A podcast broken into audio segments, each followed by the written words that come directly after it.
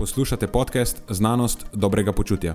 To je oddaja, v kateri odkrivamo, kako lahko znanost pomaga izboljšati vaše počutje in kako kritično razmišljanje omogoča sprejemanje dobrih odločitev na področju zdravja in fitnesa.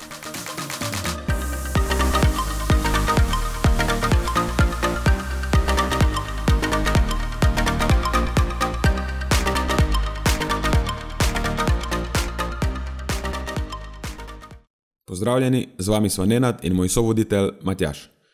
Večji del tokratne epizode je namenjen učinkovitosti in varnosti prvega cepiva proti COVID-19, oziroma vsemu, kar se nam je v zvezi s tem zdelo koristno in zanimivo povedati.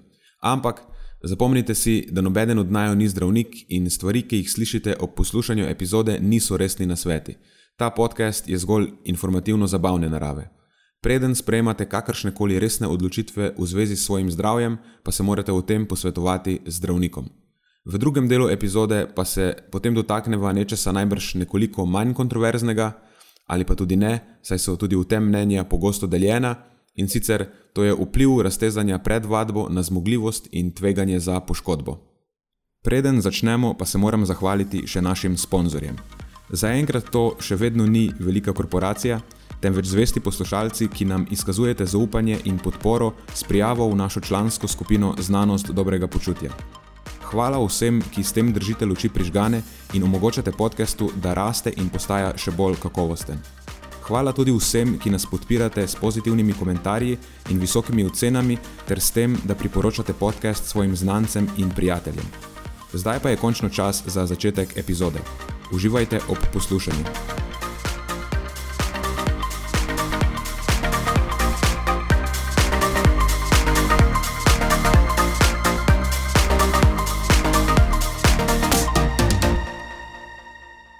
Probo sem priti iz samih surovih številk do enakih podatkov kot oni. Na koncu ne vem, če sem prav zračunal, ampak rezultat je bil isti. da, A to je načeloma dober znak. Ja. To je načeloma dober znak. Ja. Okay, zelo resno si se v glavnem lotil tega, vidim.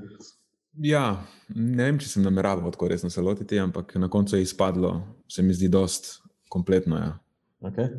Okay. Danes imamo praznično epizodo.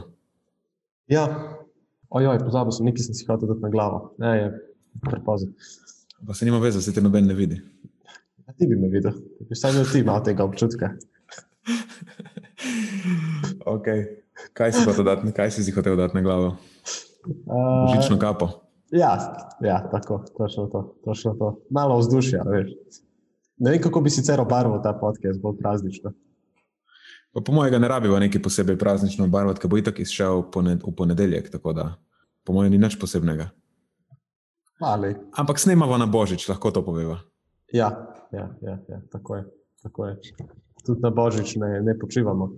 No, ne moramo počivati, treba je držati tempo. 39. epizoda, naslednja bo okrogla. Zdaj imam že občutek, da je skozi neka priložnost za praznovanje. Veš, prej je bilo 9 mesecev, zdaj bo 40. epizoda, pa bo kmalo spet nekaj drugega. Pa bo 50, kako malo. Ja, tako je, zaslužiti si moraš to najprej, ne? pa pa tistih prvih par epizod je treba, da steče, potem pa, potem pa lahko skozi neko obletnico praznuješ. Ja, in se tako držiš pri življenju, a pa visok, visoko stopnjo motivacije. Tako, tako. Mehni cilji vmes za držanje visoke stopnje motivacije. Dobro, moja tema današnja ni skrivnost, ker sem že prejšnjič namignil, o čem se bomo pogovarjali. O čem boš ti danes govoril? A, se res, malo skrivnostno. V bistvu sem ti pozabil poslati, no. ni, ni, ni, ni bila nobena skrivnost, ni bila tako mišljena. Ampak eh, po našem zadnjem treningu na, na atletski stezi si mi dal malo za razmišljati, ne, ne veš, ko si se rahlo, rahlo poškodoval. Pa sem razmišljal, joj, a bi lahko to kako preprečil, če bi se ne mogoče, ne vem, boljš raztegnil, preden bi sam začel to tekmovanje, to, to, to našo dirko. Ja. Da, ukvarjal se bom z raztezanjem. Raztezanje je vpliv na performance in vpliv na neko pojavnost poškodb. Ok, pa bo danes zelo mešano na žaro. Klasika. Ja, malo se mi je maščevalo zadnjič tisto, da nisem ti jaz nek za ogrevanje. Jaz imam dve brzini, imam. nič in hitro. Tako. Ono vmes je tako. Avto v leru ali pa avto v peti, vmes ni ničesar. Ja. Ja, načeloma nisem imel težav z nekimi poškodbami, ampak se mi zdi, da Od zadnjič so še posledice malo ostale, od tistega predprejšnjega treninga, potem pa me je uh -huh. telo opozorilo, da bi se lahko bolje ogrel. Se ni bilo nič takega, dejansko, ko sem se ogrel, je bilo v redu. Ja, zato, ker si dejansko pametno to izpeljal. Ne pa tako, kot večina potem to naredi. Uh, tako kot sem tudi jaz zdaj v preteklosti, da probaš nekako, veš, kar pogaziti čez to bolečino, pa le po kar bo. Moram reči, da sem kar ponosen na to, ne? ker tudi jaz sem bil znan potem, da Ja, eh, trening in pametno v kombinaciji, ni, ni, nisem bil bliž znam potem. No? Ja, tudi jaz ne. Pohvaljen je Nenad. Najbolj ja. zaradi tega boš lahko tudi jutri spet šel v akcijo, tako kot ja. sicer. Sem bil že naslednji dan, je bilo že v redu, tako da ni bilo nič kaj. Ne samo naslednji dan, ampak dejansko je bilo že čez pol ure v redu. No, super, odlično. Zdaj, da, ja. Da si presenečen, si, si me videl, da sem laufal pol. Ja, ja, sem te videl nekaj tako, malo bolj na izi. uh, okay. uh, tako da, ja, to, je, to je moja tema, uh, mešano na žaru, kot si rekel. Jaz predlagam, da kar, da kar otvoriš, mogoče. Ok, bomo tokrat obdelali ta cepiva, ki zdaj pridejo. Kdaj se začne cepiti? 26. Uh, ja, kaj to pomeni? Okay. Jutri. Ja, to je, točno, to je jutri. Wow, čas teče. Ja. Mi bomo sicer mogli še počakati nekaj časa, tudi mhm. tisti, ki smo se vestno prijavili, um, ker je odmerkov bistveno premalo, ampak eh, kot kaže, je potencial za naslednje leto, do konca 2021, bo dovolj odmerkov, da se cel, cel svet, če bi, bi mu bilo v interesu, da se precepi, bi zgleda lahko precepili. Mislim, da skupaj z družno uh, Pfizer, pa BioNTech, pa Moderna, pa AstraZeneca in Oxford uh, lahko izdelajo par milijard odmerkov. To je dobro slišati. To je dobro slišati, ampak eh, mislim, da povpraševanje ne bo tako visoko, nažalost. No, pa na srečo, kombo. Kaj pa jaz vem, po mojem je bil nažalost, veš. Ja, no, mislim, večji del je nažalost. Ja. Na srečo ja. sem mislil bolj tisti del, ki se ni nalezel ničesar, pa nima nekih takih težkih ja. situacij. Um, zakaj se mi dva zdaj tega lotevamo, to je v bistvu precej izven najnega komfort zona, da o tem se pogovarjava. Ampak se mi zdi, da kot smo bili do zdaj vajeni komunikacije v zvezi z vsem tem, prejšnje leto, zna biti, da in v varnosti, in v učinkovitosti cepiva ne bo dobro komunicirano na eh, nekih kanalih, kjer bi lahko večina ljudi to slišala. Okay? Tako, se zdi se mi, da bo obstajal nek deficit uh, kakovostnih informacij o tem. Tako da se mi je zdelo pač primerno, da nekako tudi mi dva probava dati nekaj koristnega v tej smeri, kako mi dva to zadevo vidiva. Um, na tej točki, seveda, spet moramo reči, da mi dva nisva zdravnika, da to niso priporočila zdravnikov, niti slučajno, niti na približno. To bo samo nek povzetek. Vzel sem, v bistvu je bilo tako. No. Na začetku sem nameraval si prihraniti nekaj dela, da ne bi rabil brati osnovne te primarne raziskave, polaka in sodelavcev, ker pred kratkim so bili potem objavljeni tudi dokumenti eh, EMA, ne, te European Medicines Agency, pa FDA-ov dokument je bil objavljen, ta briefing dokument, ki povzema njihovo oceno za emergency use authorization, torej za, kako bi to prevedla, avtorizacijo za nujno uporabo nekaj takega. In se mi je zdelo, da bom s tem, ko preberem ta dva dokumenta, si lahko marsikaj prihranil. Samo težava je, ker že samo te dokumenti Evropske agencije za zdravila imajo slabih 200 strani. Tako da nisem si jih olajšal dela, in potem na koncu, ker sem hotel dejansko videti še statistiko, sem jih tako moral iti prebrati članek. Um, tako da v bistvu vse, ka, o čem bom govoril zdaj v nadaljevanju, bo neka, nek kompozit vsega tega in prebranih dokumentov IMA in FDA-evega briefing dokumenta, potem članka, polaka in sodelavcev. In pa na koncu sem šel še preveriti par intervjujev z ljudmi, ki so vključeni v cel ta proces, da, ki imajo mogoče malo neko drugačno mnenje o tem. In spoh zanimiv se mi je zdaj en intervju z dr. Marijo Sundaram, ki je postdoktorska raziskovalka na Centru za cepljenje proti nalezljivim boleznim Univerze v Torontu. Je imela en tak res uh, jedrnat intervju, je dala na enem podkastu, ki se ukvarja z epidemiologijo. to, so, to so podcasti, ki jih jaz poslušam. um, kmalo bomo najbrž imeli na voljo še eno cepivo, ampak primarno bom uh, govoril o tem trenutno najbolj aktualnem prvem cepivu, ki je avtorizirano tudi za uporabo v Evropski uniji. To je to Pfizerjevo pa BioNTechovo cepivo, ki temelji na mRNA tehnologiji. Um, če glih modernino cepivo je zelo, zelo podobno. Tudi rezultati, ki jih je pokazala njihova raziskava, so zelo podobni rezultatom Pfizerjevega pa BioNTechovega cepiva. Tako da neke stvari zihar lahko se posplošijo tudi na tisto cepivo. Ampak generalno, ja, vsi, tudi EMA dokument, FDA dokumenti, raziskava Polaka in sodelavcev, vse to se ukvarja z tem Pfizerjevim in BioNTechovim cepivom, ki temelji na mRNA tehnologiji, pa moramo vzeti oziroma biti injicirani z dvema dozama. Ne? Na začetku z eno in potem po 17 oziroma 21 dnevih, to je neko optimalno okno, znotraj katerega mora slediti še druga doza. Če pa nekomu ne uspe, pa mislim, da do treh tednov, mislim, da ima še potem sedem dni, ne, do 28. dneva časa, da se mu uh, odmeri drugo dozo in se še vedno smatra kot popolnoma cepljen ker to je nekaj, na kar je potrebno biti pozoren. Um, različna imena se pojavljajo v zvezi s tem cepivom, mogoče je zdaj na tej točki kdo zmeden. Nek na začetku code name za to cepivo, ki se je uporabljal v raziskavah, je bil eh, BNT 162B2, ampak so potem logično to morali preimenovati. In zdaj je generično ime za cepivo Tozinameran. Um, zakaj je tako čudno ime? Zato, ker mora biti tako, prva polovica je tozina, je v bistvu prefiks, ki ga zahteva WHO, torej Svetovna zdravstvena organizacija.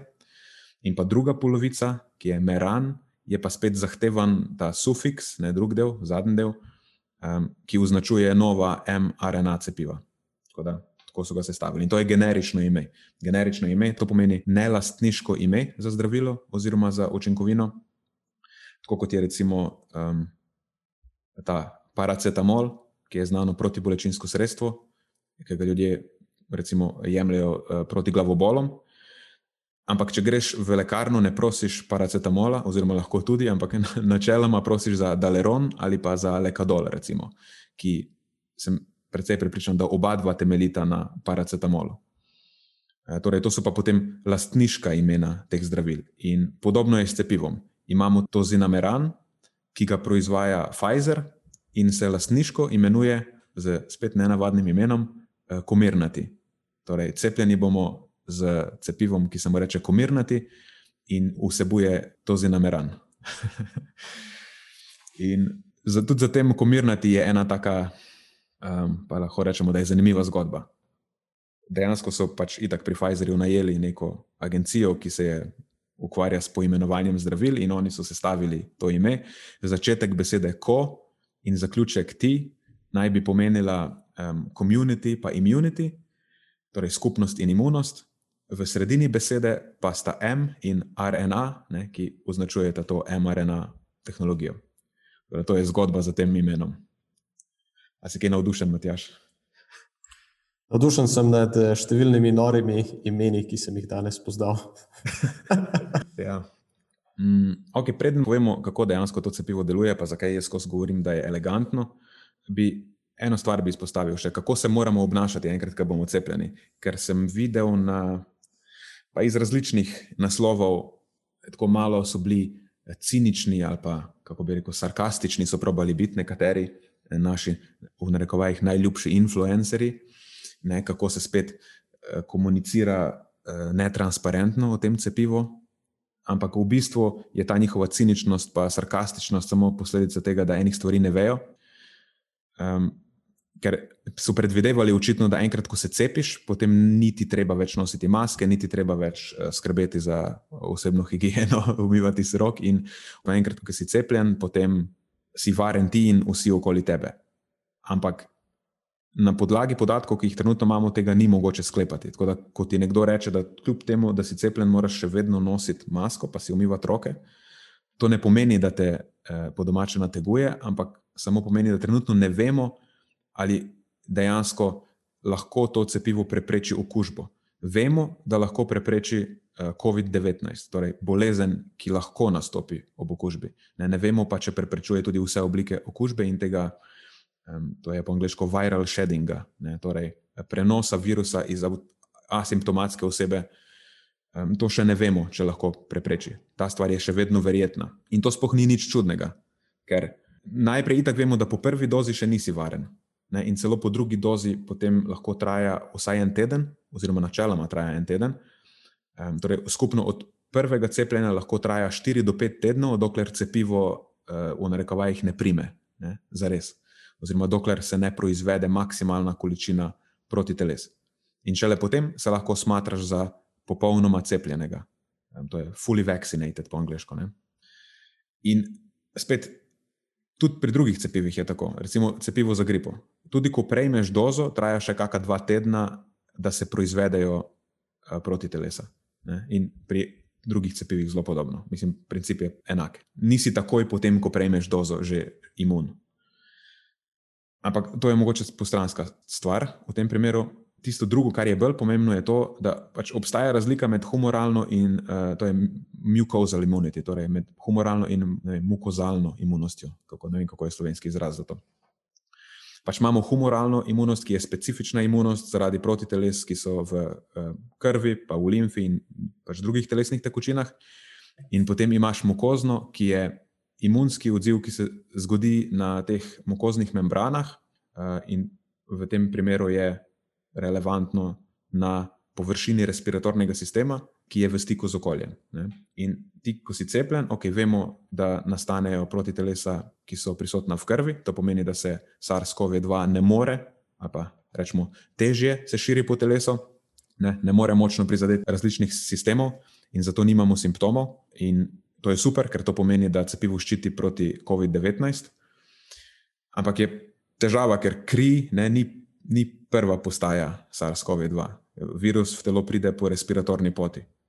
In tudi razmnoževati se najprej začne na mukoznih površinah, v zgornjih dihalih, v nosu, v grlu, in tako naprej. In te površine imajo svoj, lahko rečemo, da imajo svoj imunski sistem, po domače. In zaenkrat ni jasno, ali cepivo dejansko uspodbudi, vsaj tako robustno, tudi ta del imunosti.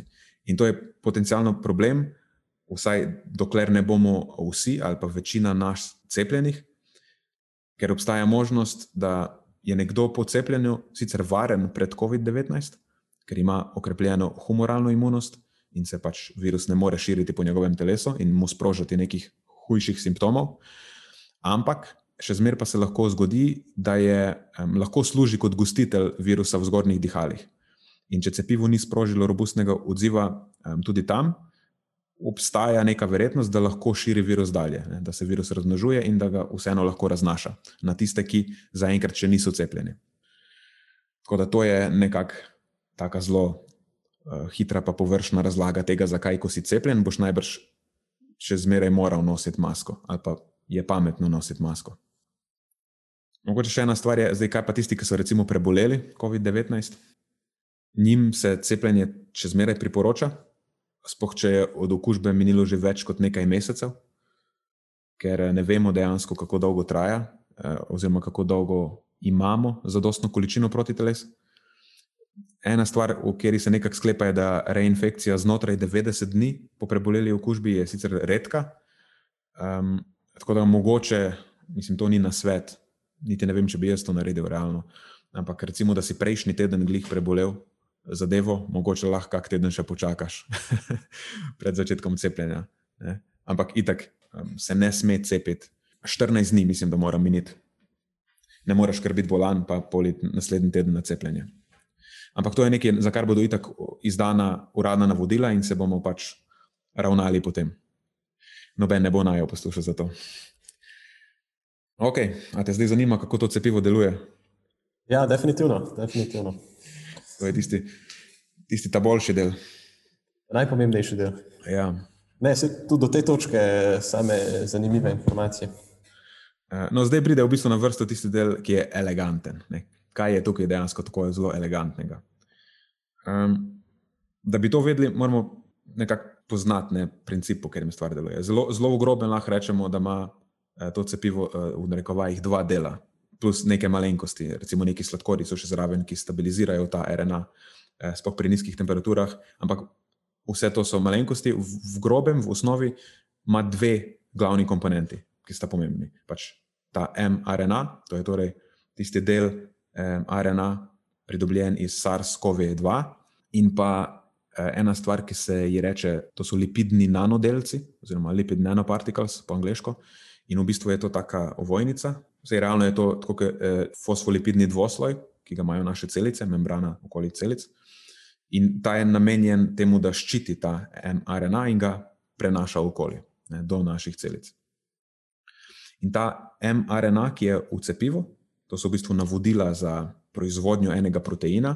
Ta mRNA v cepivu kodira za en protein, in ta uh, protein se, na, je, se najde na površini SARS-CoV-2, poleg drugih, ki so še na površini tega virusa, ampak to je eden izmed glavnih, uh, ki je povezan s patogenostjo tega virusa in reče se mu S-protein oziroma spike protein. Torej, ta mRNA zapis v tem cepivu kodira za ta protein. To se reče, da vsebuje navodila za proizvodnjo tega S-proteina. Ko pride to v naše celice, potem naše celice začnejo proizvajati ta S-protein. In to je v bistvu zelo, zelo elegantno, ker nič drugega ni v tem cepivu, samo navodila za ta en delček tega virusa. Ne, to je tako, kot če bi recimo hočemo, da naš imunski sistem prepozna, eh, prepozna ta virus.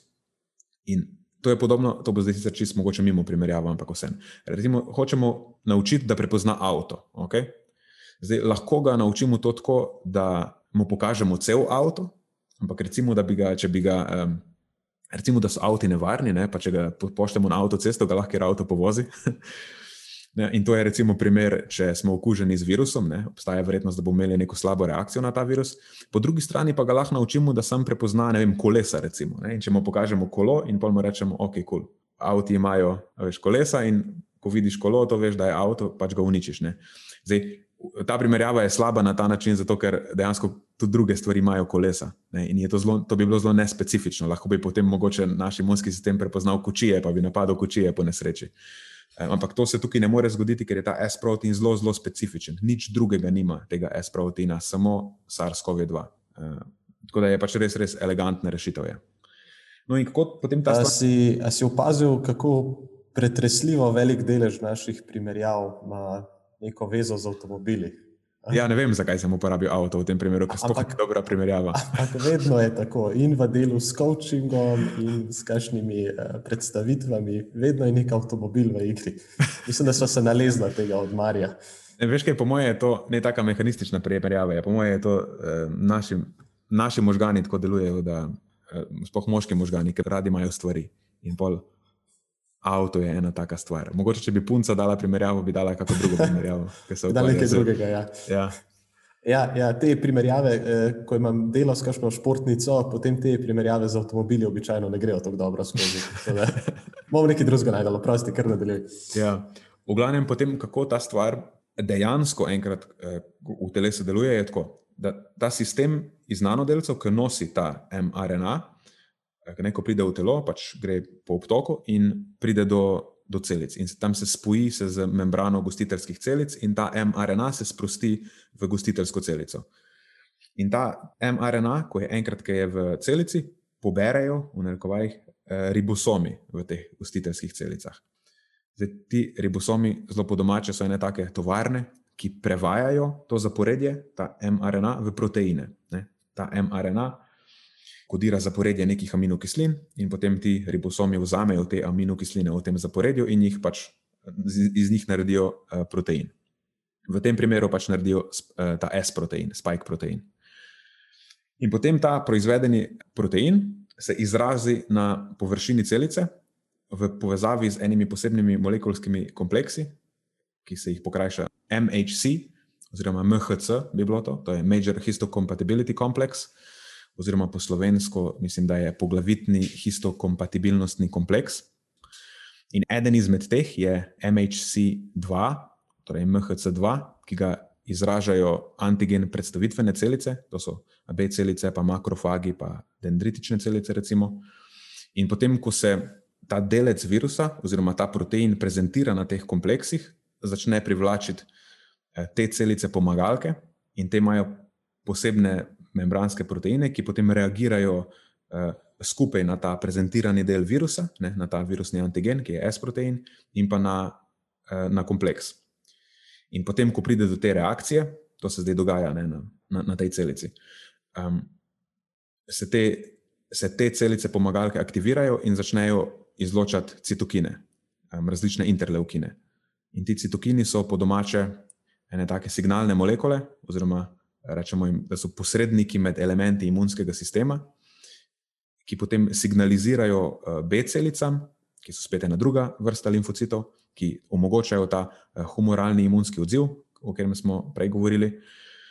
In potem te B-celice proliferirajo in se diferencirajo, da jim to po domače, um, pridejo na kraj zločina in potem se spremenijo v ene posebne uh, celice, ki jim rečemo plazmatke. In potem te plazmatke začnejo proizvajati uh, protitelesa, po domače. Zelo na hitro rečeno. In uh, v tem primeru so potem to uh, protitelesa proti temu S-proteinu. In v bistvu je to v glavnem, um, kar se zgodi. Ne? Pride mRNA v celico, tam se proizvede protein, ta protein se prezentira na teh kompleksih in uh, ta zadeva potem privlači te celice pomagalke, in potem to sproži kaskado dogodkov, ki vodijo do tega, da plazmatke na koncu začnejo proizvajati specifična protitelesa proti temu uh, proteinu. In to je zdaj tako zelo na, zelo na hitro in površno predstavljeno, kako, kako ta stvar um, zgleda. Moram, uh, moram priznati, zelo, zelo elegantna rešitev, imel si prav. Kaj pa, kaj pa sama imunost, koliko časa je to traja? Kako dolgo traja, v bistvu ne vemo, par mesecev, načeloma. Uh mhm. -huh. to, je, to se omenja, par mesecev. Um, je pa dosta ljudi se spotikalo ob to mRNA tehnologijo, zato ker je pač dost, mislim, se je realno ni dost blizu, ampak um, nekomu, ki nekomu, ki mu ta tema ni dovolj blizu, se mu zdi, da je mRNA precej blizu z DNA, torej z ne, našim dejanskim genetskim materialom.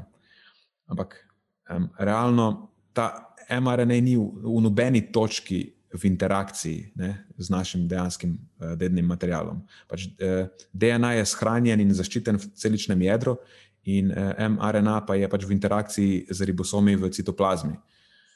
Tako da se v bistvu ne, nikjer ne pridete skupaj. Ne? In tudi, če bi, recimo, RNA zašel ne vem, nekako v jedro, pač kakorkoli, um, se tako ali tako ne more se prepisati, a veš, sam po sebi v, v DNA. Tako da tukaj res ni nobene, nobene možnosti, da bi, da bi se karkoli hudega zgodilo. Mhm.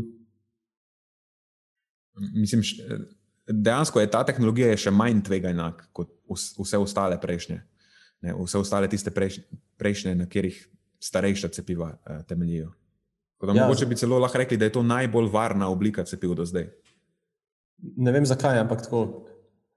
Na nek način me, me malo spominja na tisto zgodbo o, o gensko spremenjenih organizmih. Se vem, da to je zdaj čisto na drugem nivoju. Samo... Mislim, da je zelo podobno, ker tudi tistega se ljudje bojijo. Tako, pa je v bistvu ja bolj varno kot karkoli drugega. Ena izmed najbolj varnih stvari, tako je. Ja. In, in tudi ena izmed bolj elegantnih rešitev, če smo si iskreni. Tudi tam, če recimo primerjamo to z drugimi nekimi tehnologijami, recimo neke selekcije raznih rastlin, je, je to pač precej bolj eleganten in varen način, ker točno vemo, kaj se zgodi. Ne? Ja, ne, ne samo, da so pogoji bistveno bolj kontrolirani, ampak tudi eh, časovno je zadeva bistveno manj potratna. To pa absolutno. In tudi tukaj bi bila, oziroma tukaj bo bistveno manj potratna, kot da, ja. traja, da mi sami razvijemo neko imunost. Ja. Tako da še enkrat, mislim, to je super elegantno. Čist, zgodba je lahko, se lahko čist skrajšava. Pač mRNA pride v celico, celica proizvede samo en ključen in izključno za SARS-CoV-2 značilen protein, naš drugega, in potem proti temu telo razvije proti telesa. To je cela zgodba. Ja, in to velja za zdaj, trenutno za dve cepivi, ne? za Pfizerjevo, pa BioNTechovo, pa še to, ki bo kmalo na voljo, modernino. Obstaja pa še ena druga sorta, ali pa vrsta, oziroma druga tehnologija, to je od AstraZeneca, ki so jo razvili skupaj z Oxfordom. Tam imajo pa dejansko DNA spravljen v adenovirus uh, šimpanzov, in potem um, ta DNA potuje v jedro in se tam prepiše, v, enkrat, ko pride v celico. De, dejansko je adenovirus šimpanzov je, je vektor v tem mhm. primeru. Mm -hmm. In pač eh, DNA pride v celico in tam potuje v jedro, in se potem v jedru prepiše v RNA. Um, zdaj, tukaj je zgodba malo drugačna, pa zveni mogoče malo bolj uh, tako. Tako da je večji potencial, da se karkoli zgodi, ampak po podatkih AstraZeneca ne pride do nobenih interakcij z našim DNA, ne? ker to sta v bistvu potem pač dva DNA-ja, sta različna, ne, ne, ne morete se združiti. Uh -huh. Nista kompatibilna. ja, nista kompatibilna. In naslednji koraki so pa potem podobni. Ne? Enkrat, ko se ta um, DNA prepiše v mRNA, um, je vse ostalo je v bistvu isto. Ampak cepivo, ki prihaja k nam, je Pfizerjevo. Ja, Pfizerjevo. Če se ne motim. Ja. Okay. Vprašanje je, kdaj bo od AstraZeneca na voljo, najbrž še nekaj časa. Ne. Je pa, um, ima kupenih drugih prednosti to cepivo. Tudi raziskava njihova je potekala drugače, ker oni so pa dejansko testirali udeležence z tem PCR-om, z reverzno transkriptazo. Tako da oni bi lahko na podlagi svoje raziskave ugotavljali, ali cepivo ščiti pred dejansko okužbo, ne samo pred boleznijo plus mislim, da je precej cenejše in tudi shranjevanje je bistveno manjši problem. Ker cepivo AstraZeneca, najprej zaradi tega, ker je vektor drug, lahko skladiščiš v hladilniku ne, na nekih štirih stopinjah. Dočim modernino, moraš imeti na minus 20 in Pfizerjevo, in to je velik logističen problem, dejansko moraš imeti na minus 70. Uf, zdaj, zdaj pa ti ohrani to hladno verigo. Ne, ja, in moraš, mislim, da rokovati z njim v nekih rokavicah. In in to je kar logističen problem. Ja, no. ja si predstavljam. Ja. Torej, prednosti. Ja. Ima svoje prednosti, vsekakor. Hm. S cepivom od AstraZeneca bo najbrž bistveno lažje cepiti v nekih državah tretjega sveta, kjer nimaš infrastrukture vzpostavljene. Uh, Zdaj, za nas je najbrž relativno vseeno, ne? imamo zadost sredstev, pa uh, volje, da se vzpostavijo te neke točke, da se to nadzoruje. Če jim predstavljate to v nekem, ne vem, Bangladešu, uh mhm. -huh. kjer je že, po, veš, že podnebje je drugačno, eno.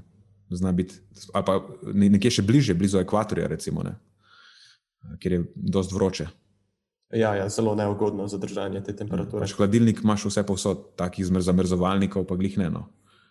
Mislim, jaz vem, da ga nimam doma. No. Dobro, se tega ne rabiš imeti doma, tvoj zdravnik ga mora imeti. Uh, je pa tudi uh, še ena prednost, da AstraZeneca mislim, da lahko proizvede vem, 3 milijarde cepiv ali nekaj takega. Tako da mislim, da nisem, to sicer nisem zihar, ampak mislim, da jih oni sami lahko proizvedejo toliko odmerkov kot uh, Pfizer pa Moderna skupaj. To je v letu 2021. Uh -huh. Okay, torej, v bistvu že imamo neko lučko na koncu tunela. Ja, ja. Ampak tako, zdaj, ker smo prej govorili o tem, da je drug vektor, pa da je mogoče malo bolj problematičen. Ne? Mislim, realno ni. Če bi zdaj imel na voljo od AstraZeneca cepivo, bi ga šel vzeti. Mislim, a veš, ni nič takega, kar bi me kakorkoli, če se bi me kakorkoli bilo strah. Ja, ja vsekakor. Zdaj samo drug mehanizem. Je, ja. Ja, pač sliši se malo bolj ja, nekoga. Spet, za nekoga, recimo, ki mu ni blizu to področje, se mu lahko sliši, oh, šit, to je pa zdaj DNA, pa potuje v jedro, tukaj se pa zdaj lahko nekaj zgodi. Ne? Ja, ja, pa slišiš nek šimpanzov vektor, pa ne vem kaj, pa te tako je. Ja, pomisliš na prvi ZF film, ki si ga videl. In, ja, in to je to. to. Ja. Uh, no, zdaj pa, deva, kar konkretno se še dotakniti te raziskave polaka in sodelavcev. To je pa dejansko ta um, tretja faza, raziskav, raz, ki še poteka, uh, Pfizerjeva, in bo še potekala, mislim, da 24 mesecev, vse skupaj, to je dve leti. Uh, in preverjali so s tem pač varnost in učinkovitost tega cepiva. Kljub temu, da še poteka, ne, imajo vmesne rezultate, na podlagi katerih so že ocenili učinkovitost in kratkoročno varnost pri vseh udeležencih. In to je zdaj pač zanimivo, zato ker lahko konkretno se pogovarjamo o tem, kakšni so uh, najprej, kako učinkovito je, pa potem kakšni so dejansko uh, neželeni učinki. Pa na kateri populaciji je učinkovitost bila dejansko preverjena. Um, zdaj, nekako lahko sklepamo na podlagi tega, to so ljudje, ki so sodelovali, so stari od 16 let pa naprej, ne? vse do zelo starih ljudi, rečemo temu. Um, in začeli so vključevati tudi otroke med 12 in 15 let, ampak teh podatkov zaenkrat eh, še nimamo. Lahko pa rečemo, da ti podatki, ki jih imamo, pa veljajo za 16 let, plus, torej tudi za mladoletne. In na začetku so v tej raziskavi planirali imeti 30 tisoč udeležencev, nekako so zračunali, da bi jim to omogočilo, da z 78 odstotno verjetnostjo zaznajo neželene učinke, ki se pojavijo samo pri nič cela nič enem odstotku ljudi, to je vsak tisoči. Ne? In pa s 95 odstotno verjetnostjo, da prepoznajo neželene učinke, ki se pojavijo pri nič cela nič dveh odstotkih, to je pa pri enem na 500. ampak so potem kasneje dejansko protokole razširili um, skoraj za 50 odstotkov. Ne? Tako da zdaj je vključenih v raziskavo 43 tisoč udeležencev, oziroma še malo več. Kar to pomeni, da je, um, sicer ne vem, kakšni so novi izračuni, ampak verjetnost zaznavanja redkih neželenih učinkov je zdaj še bistveno večja. Uh, no, rekla smo že, da bodo spremljali 24 mesecev, to pa je zato, da bi se lahko zaznali tudi neki morebitni dolgoročni neželeni učinki, ne, ki se za zdaj še niso pokazali. Ampak realno nobeden ne pričakuje nič kaj takega, da bi se lahko pokazalo. Uh, ja, no, teh 43 tisoč udeležencev so potem razdelili v polovice, v dve polovici. Polovica jih je prejela dve dozi COVID-19 mRNA cepiva, uh, polovica pa jih je prejela dve dozi placebo, torej raztopino soli, so v bistvu prejeli. Tako da temu se lahko reče s placebom kontrolirana raziskava, pa enojno slepa je bila. Pomeni, da udeleženci niso vedeli, kaj dobivajo, raziskovalci pa.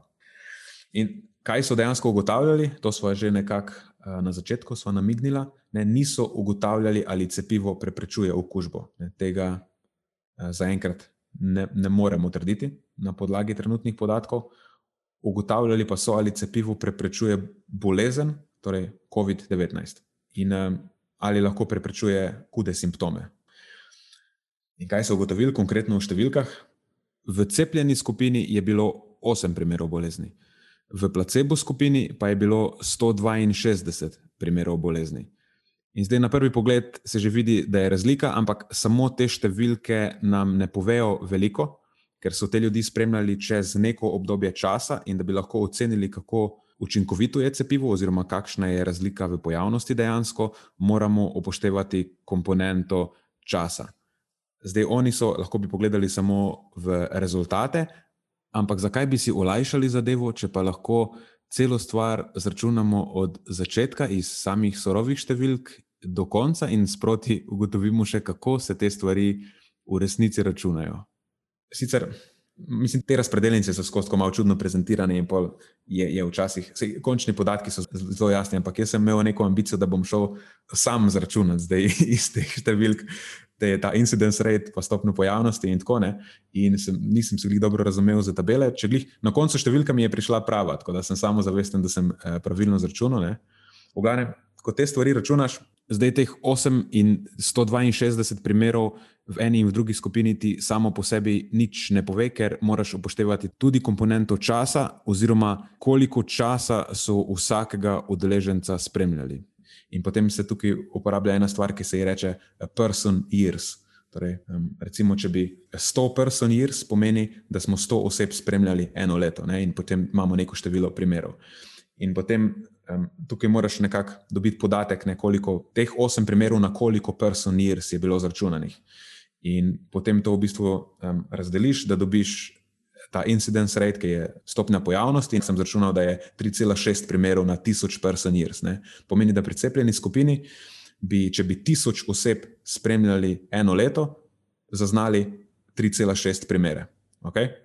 In potem pri placebo skupini sem zračunal, če bi 1000 oseb spremljali eno leto, da bi zaznali 72,9 primerov. In potem je zelo preprosto, kako prideš do tega, kako učinkovito je cepivo. Ne? Samo izračunati moraš ta incidence rate ratio, to je razmerje stopnje pojavnosti, in razdeliš um, incidence rate iz cepljene skupine z incidence rateom iz placebo skupine, in dobiš uh, incidence rate ratio nič cela nič pet.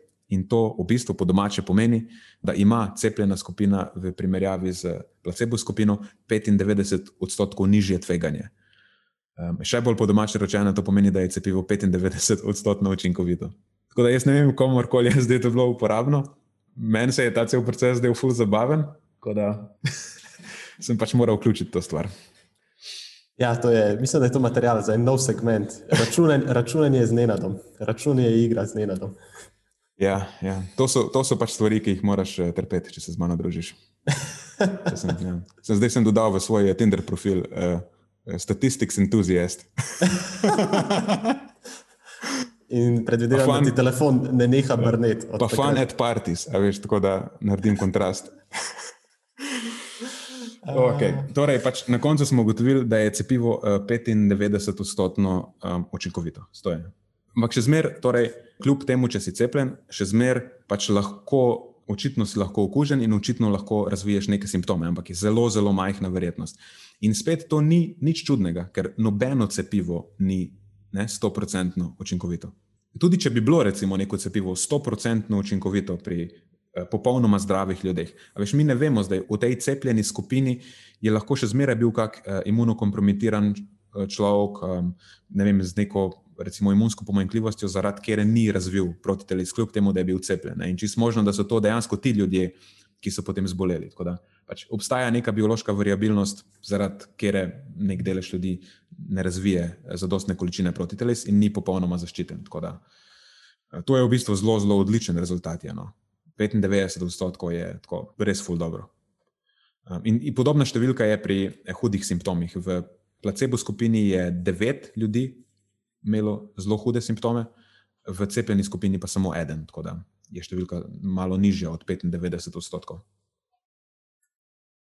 Kar je še pa zanimivo, je pa to, da ta kumulativna incidenca med placebo in cepljeno skupino je začela, um, oziroma ja, se je začela razhajati že pri 12 dneh po prvem odmerku.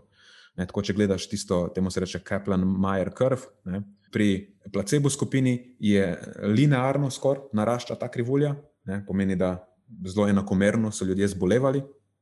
Um, pri cepljeni skupini pa v bistvu na začetku, v prvih par dni, tudi um, relativno enakomerno zbolevajo, ampak že pri 12 dneh v bistvu ta krivulja se začne zelo, uh, postaja zelo, zelo položna in potem od nekega 21. dneva že naprej, oziroma um, še kasneje, tistih 7, 7 dni po drugem cepljenju, je v bistvu skoraj ravna. Je pa tako, da tukaj pač moramo reči, da raziskava ni bila zamišljena za testiranje učinkovitosti enega odmerka. Ne. Nekako pač podatki, ki so na voljo, kažejo, da je bil prvi odmerek, recimo, 50 odstotkov učinkovit, ne. prvih sedem dni po a, drugem odmerku naraste učinkovitost malo nad 90 odstotkov, in potem doseže polno učinkovitost, to je 95 odstotkov, a, po več kot sedem dneh drugega cepljenja. Da, en teden po drugem cepljenju se lahko šteješ za ne, fully vaccinated, torej za popolno cepljenega, in od takrat naprej velja tistih 95 odstotkov. Mhm.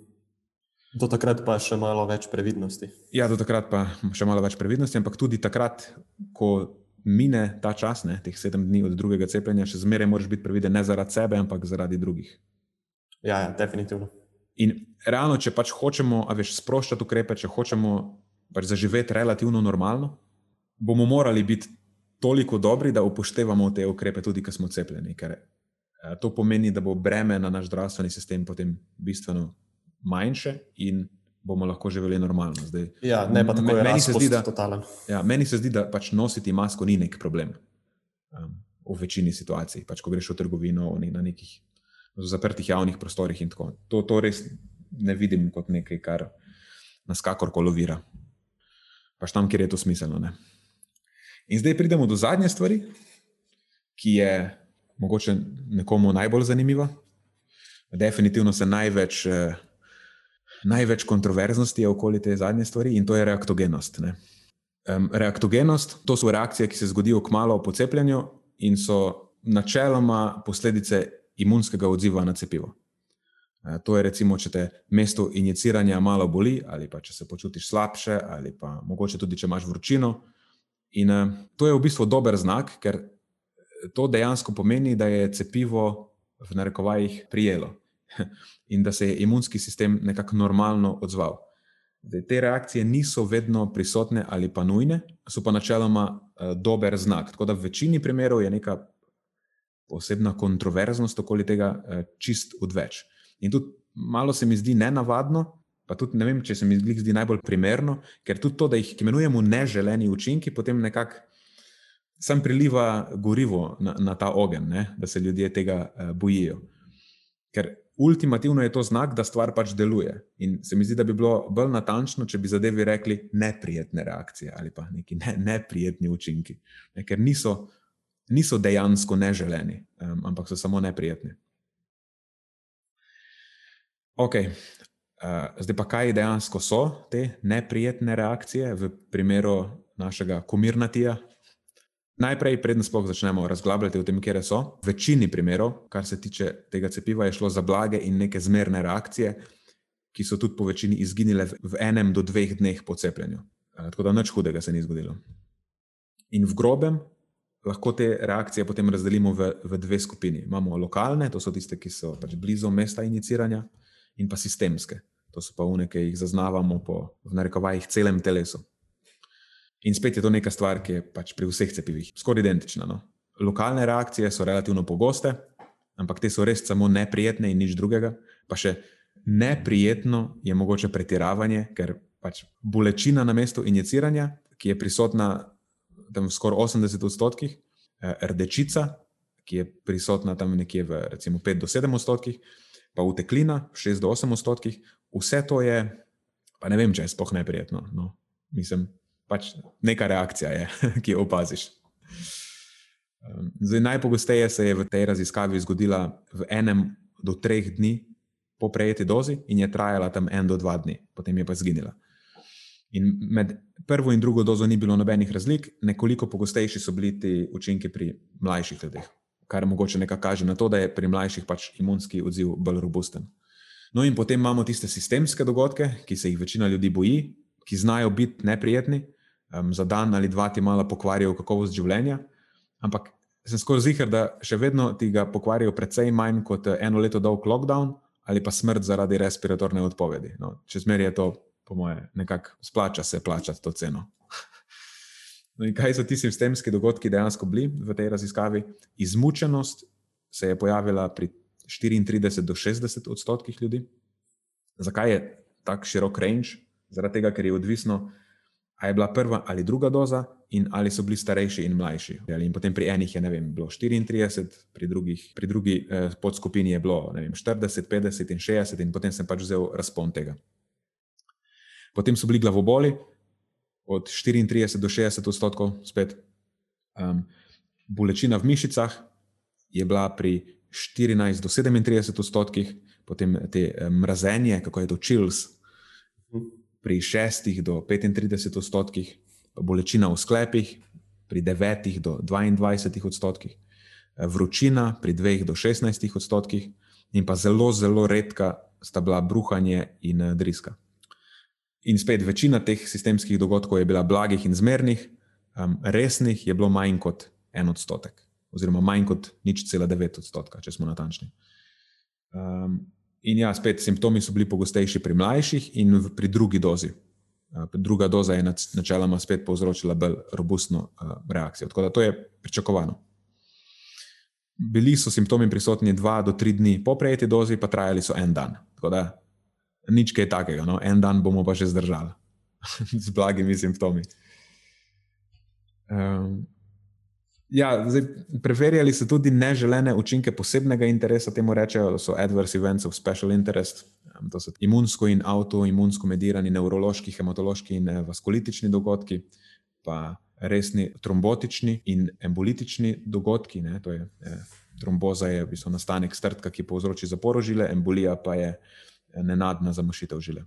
In pa eh, še tretja skupina je anafilaksa. Ostala dva, ki, sta, eh, ki so ti imunsko in avtoimunsko medirani dogodki, pa eh, trombotični in um, embolični dogodki, niso jih zaznali, imajo samo dva primera anafilakse, ne, torej neke alergijske reakcije na eno izmed sestavin v cepivu. Tega se pa itek ne moreš izogniti, ker nikoli ne veš, kdo je na kaj alergičen in Ne, zato se pa cepi pri zdravniku, da če se kaj takega zgodi, se pač ustrezno ukrepa in potem ta stvar tudi ni smrtno ogrožujoča. No. Zdaj, če bi se cepil doma sam, potem bi se lahko zgodilo kaj hudega. Ampak itak se ne moreš, ker nimaš minus 80 zamrzovalnika. Ne, še. Tako da to sta dva, dva primera dejansko neke alergične reakcije, po domače povedano, sta se zgodila. In to je to. To je najbolj resen dogodek med 20 tisočimi ljudmi, ki so bili dejansko cepljeni. Ni nekaj, no, zaradi česar bi izgubljal spanec. Ja, v bistvu so tako zelo um, dobri rezultati, mislim, pomirjajoči rezultati na nek način. Ja. Vsaj za me. mm. uh, čist na koncu še sem to lahko povedal. Za, za neke stvari nimamo podatkov in ne moremo potrditi varnosti za ene podskupine, oziroma ne moremo za te podskupine sklepati v varnostnem profilu. E, to so nosečnice in doječe matere, e, oziroma tudi njihov zarodek, ne, ne vemo, kako bo vplivalo na to. Ne vemo zato, ker so bile izključene iz raziskave, ponavadi se pač te ranljive populacije proba zaščititi in se jih ne, ne izpostavlja nekim stvarem, čist preventivno, ne zato, ker bi dejansko mislili, da se jim lahko zgodi. Potem eno so imunokompromitirani posamezniki, tudi oni so bili izključeni iz raziskave, spet logično, ker obstaja možnost, da ne razvijajo protiteles, oziroma da cepivo za njih ne bi bilo učinkovito in to bi potem lahko pokvarilo rezultate raziskave. Um, še ena skupina so krhki pacijenti z nekimi komorbidnostmi, recimo obstruktivna pulmonarna bolezen, pa diabetes, pa kronične nevrološke bolezni, pa kardiovaskularna stanja. Ne, nekdo, ki je res zelo, zelo, zelo v slabem stanju, zelo bolan, tudi za njih ne vemo, če se bodo enako robustno odzvali. Pa še pacijenti z avtoimunskimi in vnetnimi stanji. Obstaja, za njih obstaja neko potencijalno tveganje, da bi jim cepljenje poslabšalo stanje. Torej, to so skupine, ki, ki jih bomo mogli zaščititi mi, vsi ostali, ki se lahko cepimo, ne? ker njih zaenkrat ne moremo cepiti. In zato je še toliko bolj pomembno, da ostali zdrav del populacije prevzame breme na mesto njih. Zdaj, če se bomo pa že mi med sabo prepirali, kdo bo, pa kdo ne, plus tisti, ki se ne morejo, potem pa pač se lahko zgodi, da ne bomo nikoli precepljeni v zadostni meri, da bi lahko normalno živeli dalje. To sem jaz v prejšnji epizodi podal rešitev. Obvezno ali se pa preseli v gost. Ja, bomo videli, koliko novih prebivalcev dobi gost v naslednjih obdobjih. Lahko naredijo občino, gost. gost. Pošna številka 10 tisoč.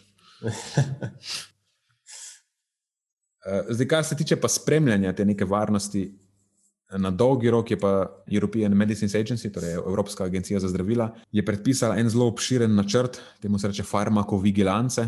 To je, spoh ne vem, kako se slovensko temu reče, se je najbrž farmakovigilanca, torej spremljanje eh, tega zdravila, eh, ki vključuje tudi neke te post-autorizacijske varnostne študije. Mm, in gre se samo za to, da Pfizer mora v skladu s tem načrtom vse skozi spremljati, in kaj se dogaja, in sporočati o napredku raziskav in o vseh neželenih učinkih, torej vsem, kar se v nadaljevanju zgodi. Tudi EMA sama vse skozi upravlja neke rutinske preglede eh, o neželenih učinkih, tudi tedensko pregleduje literaturo veš, eh, o drugih cepivih sorodnih, ne, ne samo o tem, pravijo zajeti čim več podatkov potem spremlja se ta proces cepljenja in uh, spremlja se morebitne napake med cepljenjem, vse mora tudi biti sledljivo. Predvsej rigorozno je no, ta stvar zastavljena. Ni zdaj, da so oni kar to pa čez noč odobrili to cepivo, ampak kot pravim na začetku, ta, samo ta načrt farmakovigilance ima več kot 100 strani. Mm, dobesedno knjigo so izdali. In potem je še ena stvar, ki se ji reče ukrepi za minimizacijo tveganja. To so pa pač priporočila, kako ravnati v primeru neželenih učinkov, kako ravnati s populacijami, kjer ni mogoče sklepati o varnostnem profilu, kako se ta stvar skladišči, kako se uh, mora transportirati. Um, vse to je pač vse logično predpisano in uh, tudi to se spremlja. No. Tako da to je kar na koncu, kako se skrbi, da bo ta stvar ne samo, da je varna v štartu, ampak da bo na dolgi rok ostala varna na tej točki, ko potegnemo črto, mene absolutno ne skrbi za karkoli, ampak tako komaj čakam, da lahko grem po dozo. Ja, upam, da smo tudi uspeli koga izmed poslušalcev pomiriti uh, s tem segmentom. Hmm. Edin, mogoče eno stvar lahko še poveva. Marsikdo se je spraševal, zakaj je bilo to cepivo tako hitro dostavljeno na trg, oziroma dostavljeno na, nam na razpolago, če pa ponavadi razvoj cepiv traja leta. Obstaja več razlogov, zakaj je bilo tako, pa zakaj to ni niti malo problematično. Prvo, zato, ker to ni nova tehnologija, oziroma ja, je nova, ker je zdaj prvič dejansko bo uporabljena, ampak niso tega začeli prejšnje leto razvijati, ne? ampak so že zelo dolgo razmišljali o nečem takem. Druga stvar pa je, da ponavadi za ta neka cepiva ni zelo veliko interesa. Zdaj tam pač, če oni afričani zbolevajo za ebolo, se nas to nekako ne dotakne tukaj v razvitem svetu tako zelo pa se potem s tem ne ukvarjamo tako zelo intenzivno, ne, ni denarja, ni uh, te delovne sile, kako se temu reče. Ni, je, ja, težko je dobiti zadostno mero nekih udeležencev. In... Manpowerja, ja, tudi samih inštitucij, ki bi se s tem ukvarjale, podpore na različne načine. Zdaj pa smo imeli dejansko svet se je ustavil samo zato, da izumimo to cepivo, dobesedno. Tako, vsi, ki so se ukvarjali z nalezljivimi boleznimi, so se naenkrat začeli ukvarjati samo s tem. Cel svet se je mobiliziral, da to stvar pripravi da bo taka, da bo varna, da bo učinkovita na neki tehnologiji, ki v bistvu zametki nje so že obstajali. Tako da, kar naenkrat manpower in finančna sredstva niso bila več. Tako da v bistvu, ja, v bistvu je to eno leto, ki smo mogli na to čakati, se meni zdi dolgo časa.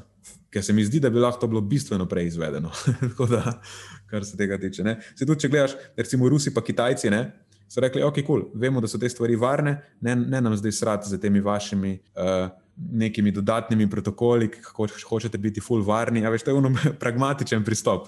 Mi smo dejansko vzeli 40 tisoč ljudi in smo se igrali z njimi še dodatnih par mesecev, kljub temu, da smo že vedeli, da je stvar varna. Bi lahko moč cepili večjo število ljudi. Ne? Ampak vsem tukaj pri nas veljajo neki zelo visoki standardi, um, ki super, da smo jih upoštevali. Ne? Na nek način je to izkaz integritete, da smo kljub temu, da nam je vsem neudobno, pa da se vsi bunimo, pa da bi vsi čim prej radi to končali, da še zmer, še zmer smo opravili tretjo fazo. A veš, kljub temu, da druge po svetu je niso. Da, tudi tukaj se mi zdi, da ni bilo nobenih bližnjic za tih. To pa je bil rent na koncu. ja, upam, da mi je nekako uspelo vsaj približno jedrnato, pa um, uporabno to stvar povzeti, ker je kup enih informacij, je realno. Uh, ne, in sem imel težavo tudi zbirati, kaj je esencialno zapovedati, kaj ni. Uh, In potem so prej ugotovili, da sem dodal tudi ene neesencialne stvari, ki so samo meni zanimive, ampak le. Mislim, ko pride do ene take stvari, uh, se mi zdi, da, da kar vse praktično pade notri v to kategorijo esencialno, ker se mi zdi, da imamo različni smo si, različne pomisleke imamo. Tako da je dobro, da se na, naslovi vse to, se mi zdi. Ok, dobro, če si ti zadovoljen, potem bom tudi jaz zadovoljen. to sicer ne verjamem, ampak ja. A začnem eh, prešaliti na, na malo bolj lahko temo. Zdaj si ti na vrsti, meni je že začelo malo na koncu zmanjkovati. Pa se pa ti malo spočine. Um, torej, kot sem že na začetku naznanil, bo moja glavna tema se ukvarjala z uh, vplivom raztezanja pred vadbo na pojavnost poškodb in pa na zmogljivost. In v osnovi se je raziskovanje za ta segment začel čisto sebično, roko na srce, ker se pač jaz ne bi rad poškodoval. Ampak seveda sem pa tudi nekdo, ki dela z ljudmi, jih trenira eh, in mi je pomembno, da se naši varovanci ne poškodujejo. In s pomočjo takih raziskav in podobnih, kot jih bomo vključili v ta segment, eh, lahko bolj primerno oblikujemo nek načrt vadbe. In pa predvidevam, da tudi da vsi tisti, ki poslušate in ste fizično aktivni, vam je nekako mar, da se ne poškodujete. Še posebej, če to slučajno posluša kakšen eh, športnik, vrhunski športnik, kjer vem, poškodba v najboljšem primeru pomeni, da si mora posameznik vzeti dragocen čas stran od svojih treningov zaradi rehabilitacije, ali pa v najslabšem primeru mogoče celo pomeni izguba zelo, zelo dolgega časa stran od tekmovanj in pa morda celo konec karijere. Eh, skratka, karkoli lahko naredimo zoper poškodbo, bo super. In ena izmed številnih faktorjev, ki spadajo v to kategorijo in se pogosto omenjajo znotraj eh, športne znanosti, je raztezanje. Ali je koristno ali ne, ali vpliva na zmogljivost, ali vpliva na zmanjšanje pojavnosti poškodb ali ne, ali samo zguba časa.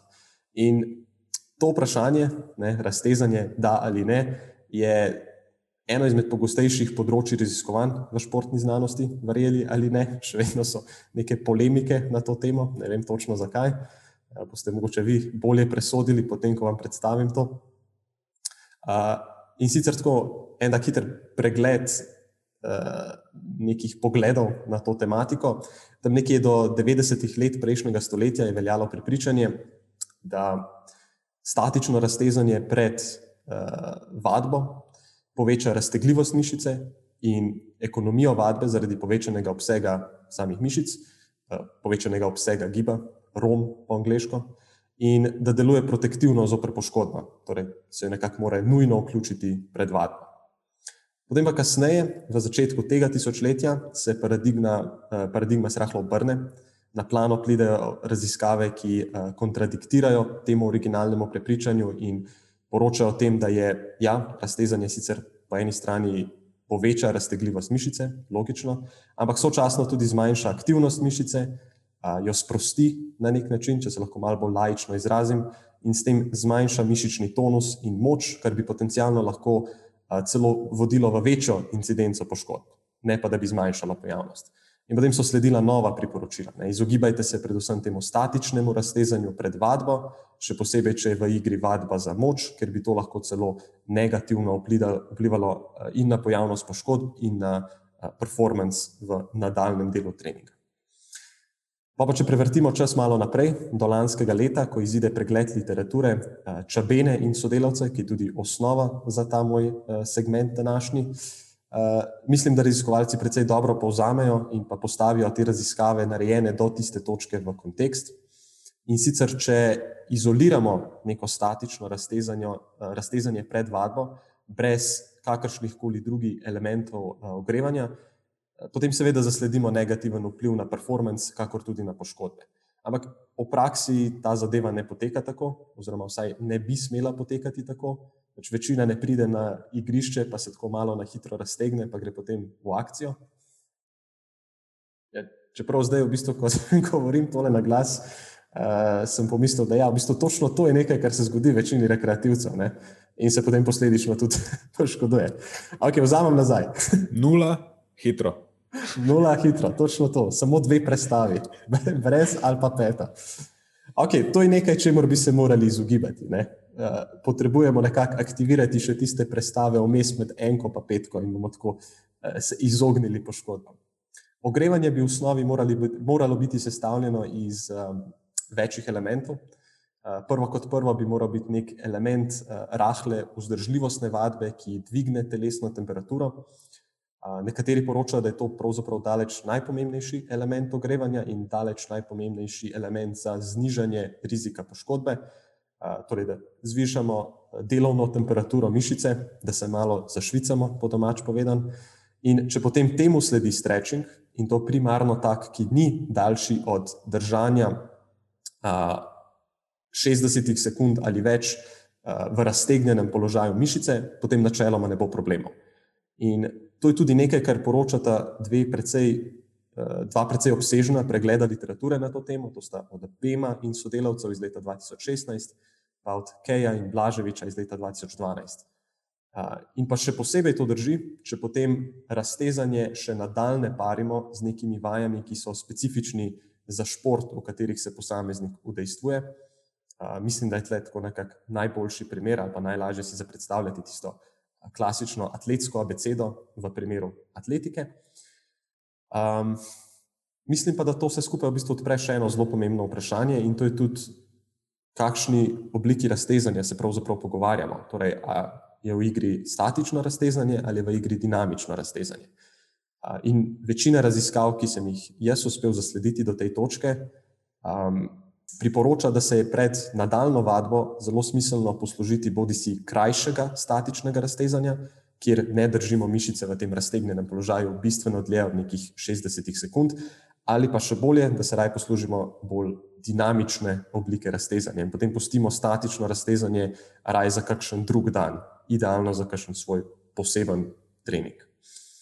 Um, spet, to bi bila zgolj moja interpretacija literature, ki jo imamo ta trenutek na razpolago. Pa nek zdravorazumski nasvet, ki ga mogoče lahko izpeljemo iz te točke, je uh, prvo kot prvo, ne spuščati ogrevanja, zelo pomembno je. Uh, tudi če ste v neki časovni stiski, ga ne pozabite. To vem, da se tudi meni pogosto zgodi, ampak ne bi smel biti to izgovor. Uh, in zagotovo ne spuščati nekega ogrevalnega dela v obliki neke, bodi si neke rahle aerobne aktivnosti, morda kakšen rahel tek, um, kolesarjenje, kakorkoli že. Če potem temu sledi raztezanje, uh, predlagam primarno dinamično raztezanje ali pa morda statično, z krajšim držanjem mišic v raztegnenem položaju, in pa, eh, vem, če imate še dovolj časa, morda kašne, ali, ali pa je to sploh potrebno, kakšne vaje, ki so bolj specifične za šport. Ampak mislim, da je ta zadnji del bolj pomemben za vrhunske športnike, kot pa za nas, rekreativce. Uh, in pa seveda, raztezanje je samo eden izmed številnih faktorjev, ko se pogovarjamo o poškodbah. Ne vem, če je res najpomembnejši, zagotovo pa je pomemben. Pomembno je seveda tudi, kako samo vadbo izvajamo, teh kako tehnika izgleda, predvsem to. Um, ja, to bi bil nekako ta, ta del. To pomeni, da se jutri raztezamo in dlje ogrevamo. Ja, točno to. Ta dan sem šel tako malo okrog, ta segment sem pripravil samo zato, da sem nenado, da sem nenado malo pripravil na naš jutrišnji trening. Dobro, nekako uh, sem pripravljen ta kompromis narediti, ker sem slišal, da imaš nekaj zanimivega pripravljenega. Uh, trening je zabaven. Okay. Ko, ko me čakam. Že dolgo ga nisem delal, tako da mi bo obudil malo nostalgije za atletiko. Uh, upam, da ti bo všeč. Ne? Hudo. Jaz sem se sicer pol popoldan z nekom dogovoril za badminton še, tako da bom, uh, upam, da bom sposoben tudi to nekako spodobno potem izpeljati. Pa ne, ti si čez divji, kaj to? Sam še treniraš. treniraš ne, tisto je za zabavo. Tisto je za zabavo. A to, to je pa za preživetje. ne, tisto je za ta naš nov ninja projekt. Ne? Ja, ja. Kako smo rekli, da v, hočemo do konca naslednjega leta, a nismo postavili časovnice, prelaufati 400 metrov pod eno minuto. Ja, ja. To, točno to. Točno koliko je to realno, da mi boji? Pa je, mislim, ne vem. Sicer bo to precej daleč od mojega osebnega rekorda. Jaz se počutim kar samozavestnega v, v naše sposobnosti. Ok, dobro, da bom tudi jaz eh, probo vzgojiti neko podobno mero samozavesti. Lej, te stvari moraš biti samozavesten, ne na noter moraš iti tako. Poleg tega imaš tukaj eh, športnega nutricionista, ti bom pomagal malo spedenati prehrano. Aj prav, bo vaje. neko, neko podobno ponudbo sem že dobil zadnjič, ko sem jamral o morebitni poškodbi. to je res. To je res. Nekaj sem hotel še reči. Ja, ja, pa se mi vidiš na treningih, jaz sem 100% samozavesten. To si, to si. Oh, ne rečem nič. Ja, tako da imamo, imamo nek ninja projekt. Imamo, uh, zelo smo diverzificirali, delamo atletiko na gimnastičnih krogih, akrobatiko. Ne? Če bo pripravljamo se za tekmovanje. Če bo kdaj uh, American Ninja Warrior ja, prišel, to sem hotel reči. Ja, da za Ninja Warrior tekmovanje se pripravljamo. Pa, smo, pa bomo redi. Edin še za akrobatiko, koča rabimo. Ja, to sem upal, da boš ti nekako skočil noter. Ti mislim, da imaš največ izkušenj. Ne, to rabim. Ne, jaz bom gimnastičen. Mislim, rabimo, gimnastično, ja. Ja, rabimo enega za akrobatiko. Še. Tako da, če se kdo javi, eh, backflip je naš prvi cilj. Okay, pa, tle pa moja samozavest močno pade. Ma sej, ni panike, se bomo Vasa, počasi. seveda. Se bomo počasi bomo šli. Tako da, zdaj na koncu to so nekako. To so naše prošnje. Pogledal sem zdaj, vmes um, nismo dobili nobenega revija, novega. Videl, vidim sicer, da smo dobili eno petko, pet zvezdic, ampak um, nekako v luči tega, da ni bilo revija, ne morem biti s tem zadovoljen.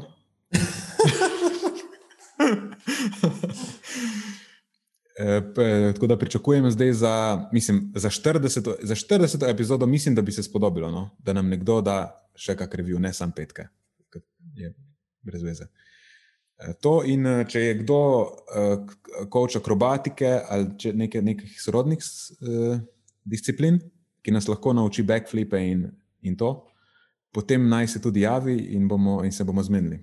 Tako. Te, ja, ne bo za ston, te bomo kompenzirali, ni panike sploh. Ja, definitivno. Ja, ja. Pa, od danes naprej so tudi stave odprte, ali nam bo uspelo preteči stadionski krok pod minuto ali ne. Ja, če bo kdo pobiral stave, eh, bomo tudi mi se bomo pridružili. Ja, samo, samo link pošljite. Ja. Nekaj sem hotel še povedati. Aha, no, ja, tako kot pra, uh, vsaka profesionalna ekipa, ne, imamo tri trenerje, dejansko, no, zdaj imamo dva, ampak čakamo še tretjega. Edino imena še nimamo in sponzorja. Ime in sponzorja še rabimo. Ta najtežji dve stvari, se mi zdi. Dobro, do imena bomo že prišli. Ja, mislim, da za ime imamo nekaj izbire, nekaj na variantu feel good, znanost dobrega počutja, nekaj, nekaj tako. Bomo, bomo že. Ja. Pa še se še nimamo, enih majic, što nam tu še vedno manjka. Nekaj, ja, nekaj gira. O, official gira. Ja. Tako. Dobro si se to spomnil. Se to potem, ko sponzorja, mogoče, če dobimo. ja, da, bo, da gre še sponzor. Da. Ja, mogoče bo Nike ali pa kdo. Nike, Under Armour. Ja, kdorkoli. Lahko pa v tem sproti sponzorira in podcast, in, in, in uradno ekipo. aj. Ja, nič, mislim, da smo stvar pripeljali do konca, ker smo začeli blebetati. Ja. Zdaj razmišljam, mogoče moramo na koncu začeti blebetati. Slišal sem eno kritiko, nekdo, sicer, slišal sem iz druge roke, ne iz prve roke, da je to, da na začetku nekaj naklada v full brez veze, no? da hočejo ljudje samo fakte slišati. Zdaj, če je to res, dajte nam sporočiti, pa bova nehala, ne, ne bova nehala, samo malo bova eh, prirezala to stvar. Ali jo bova pa dala na konec, tako da mi uh -huh. vsekakor bova upoštevala preference tudi eh, poslušalcev. Lahko v reviju napišete, mogoče, da so e, predolga, pa da preveč nakladava, pa take stvari. Ne, to, so, to, so, to so recimo ki, stvari, ki se eh, pišejo v reviju, med drugim. Sploh če daš enko, pa moraš to napisati, pa moraš nekako temeljiti to enko. A lahko nekdo, prosim, da ne na to njegovo božično darilo, da mu napiše reviju, pa da eno zvezdico. ja, za novo leto ali pa za božič, to bi bilo super. Ja, kakršen koli reviju. No, čtaj, ej, hvala ti, Matjaš, spet za še eno zanimivo epizodo. Tokrat so bila, pa niso bila niti tako dolga. E, dokaj klasično bi rekel. No? Ja, hvala, ker si me motiviral za raztezanje in tako bomo jutri dali to v prakso. Eh, hvala, ker si me pomiril, kar se tiče cepljenja. Zelo zanimiv segment. Eh, ser pa vsem, ki to poslušate, eh, pač vesel Božič za nazaj, lepe praznike. Pa novo se, leto. Tako, pa se slišimo naslednjič. Tako je, se slišimo naslednjič.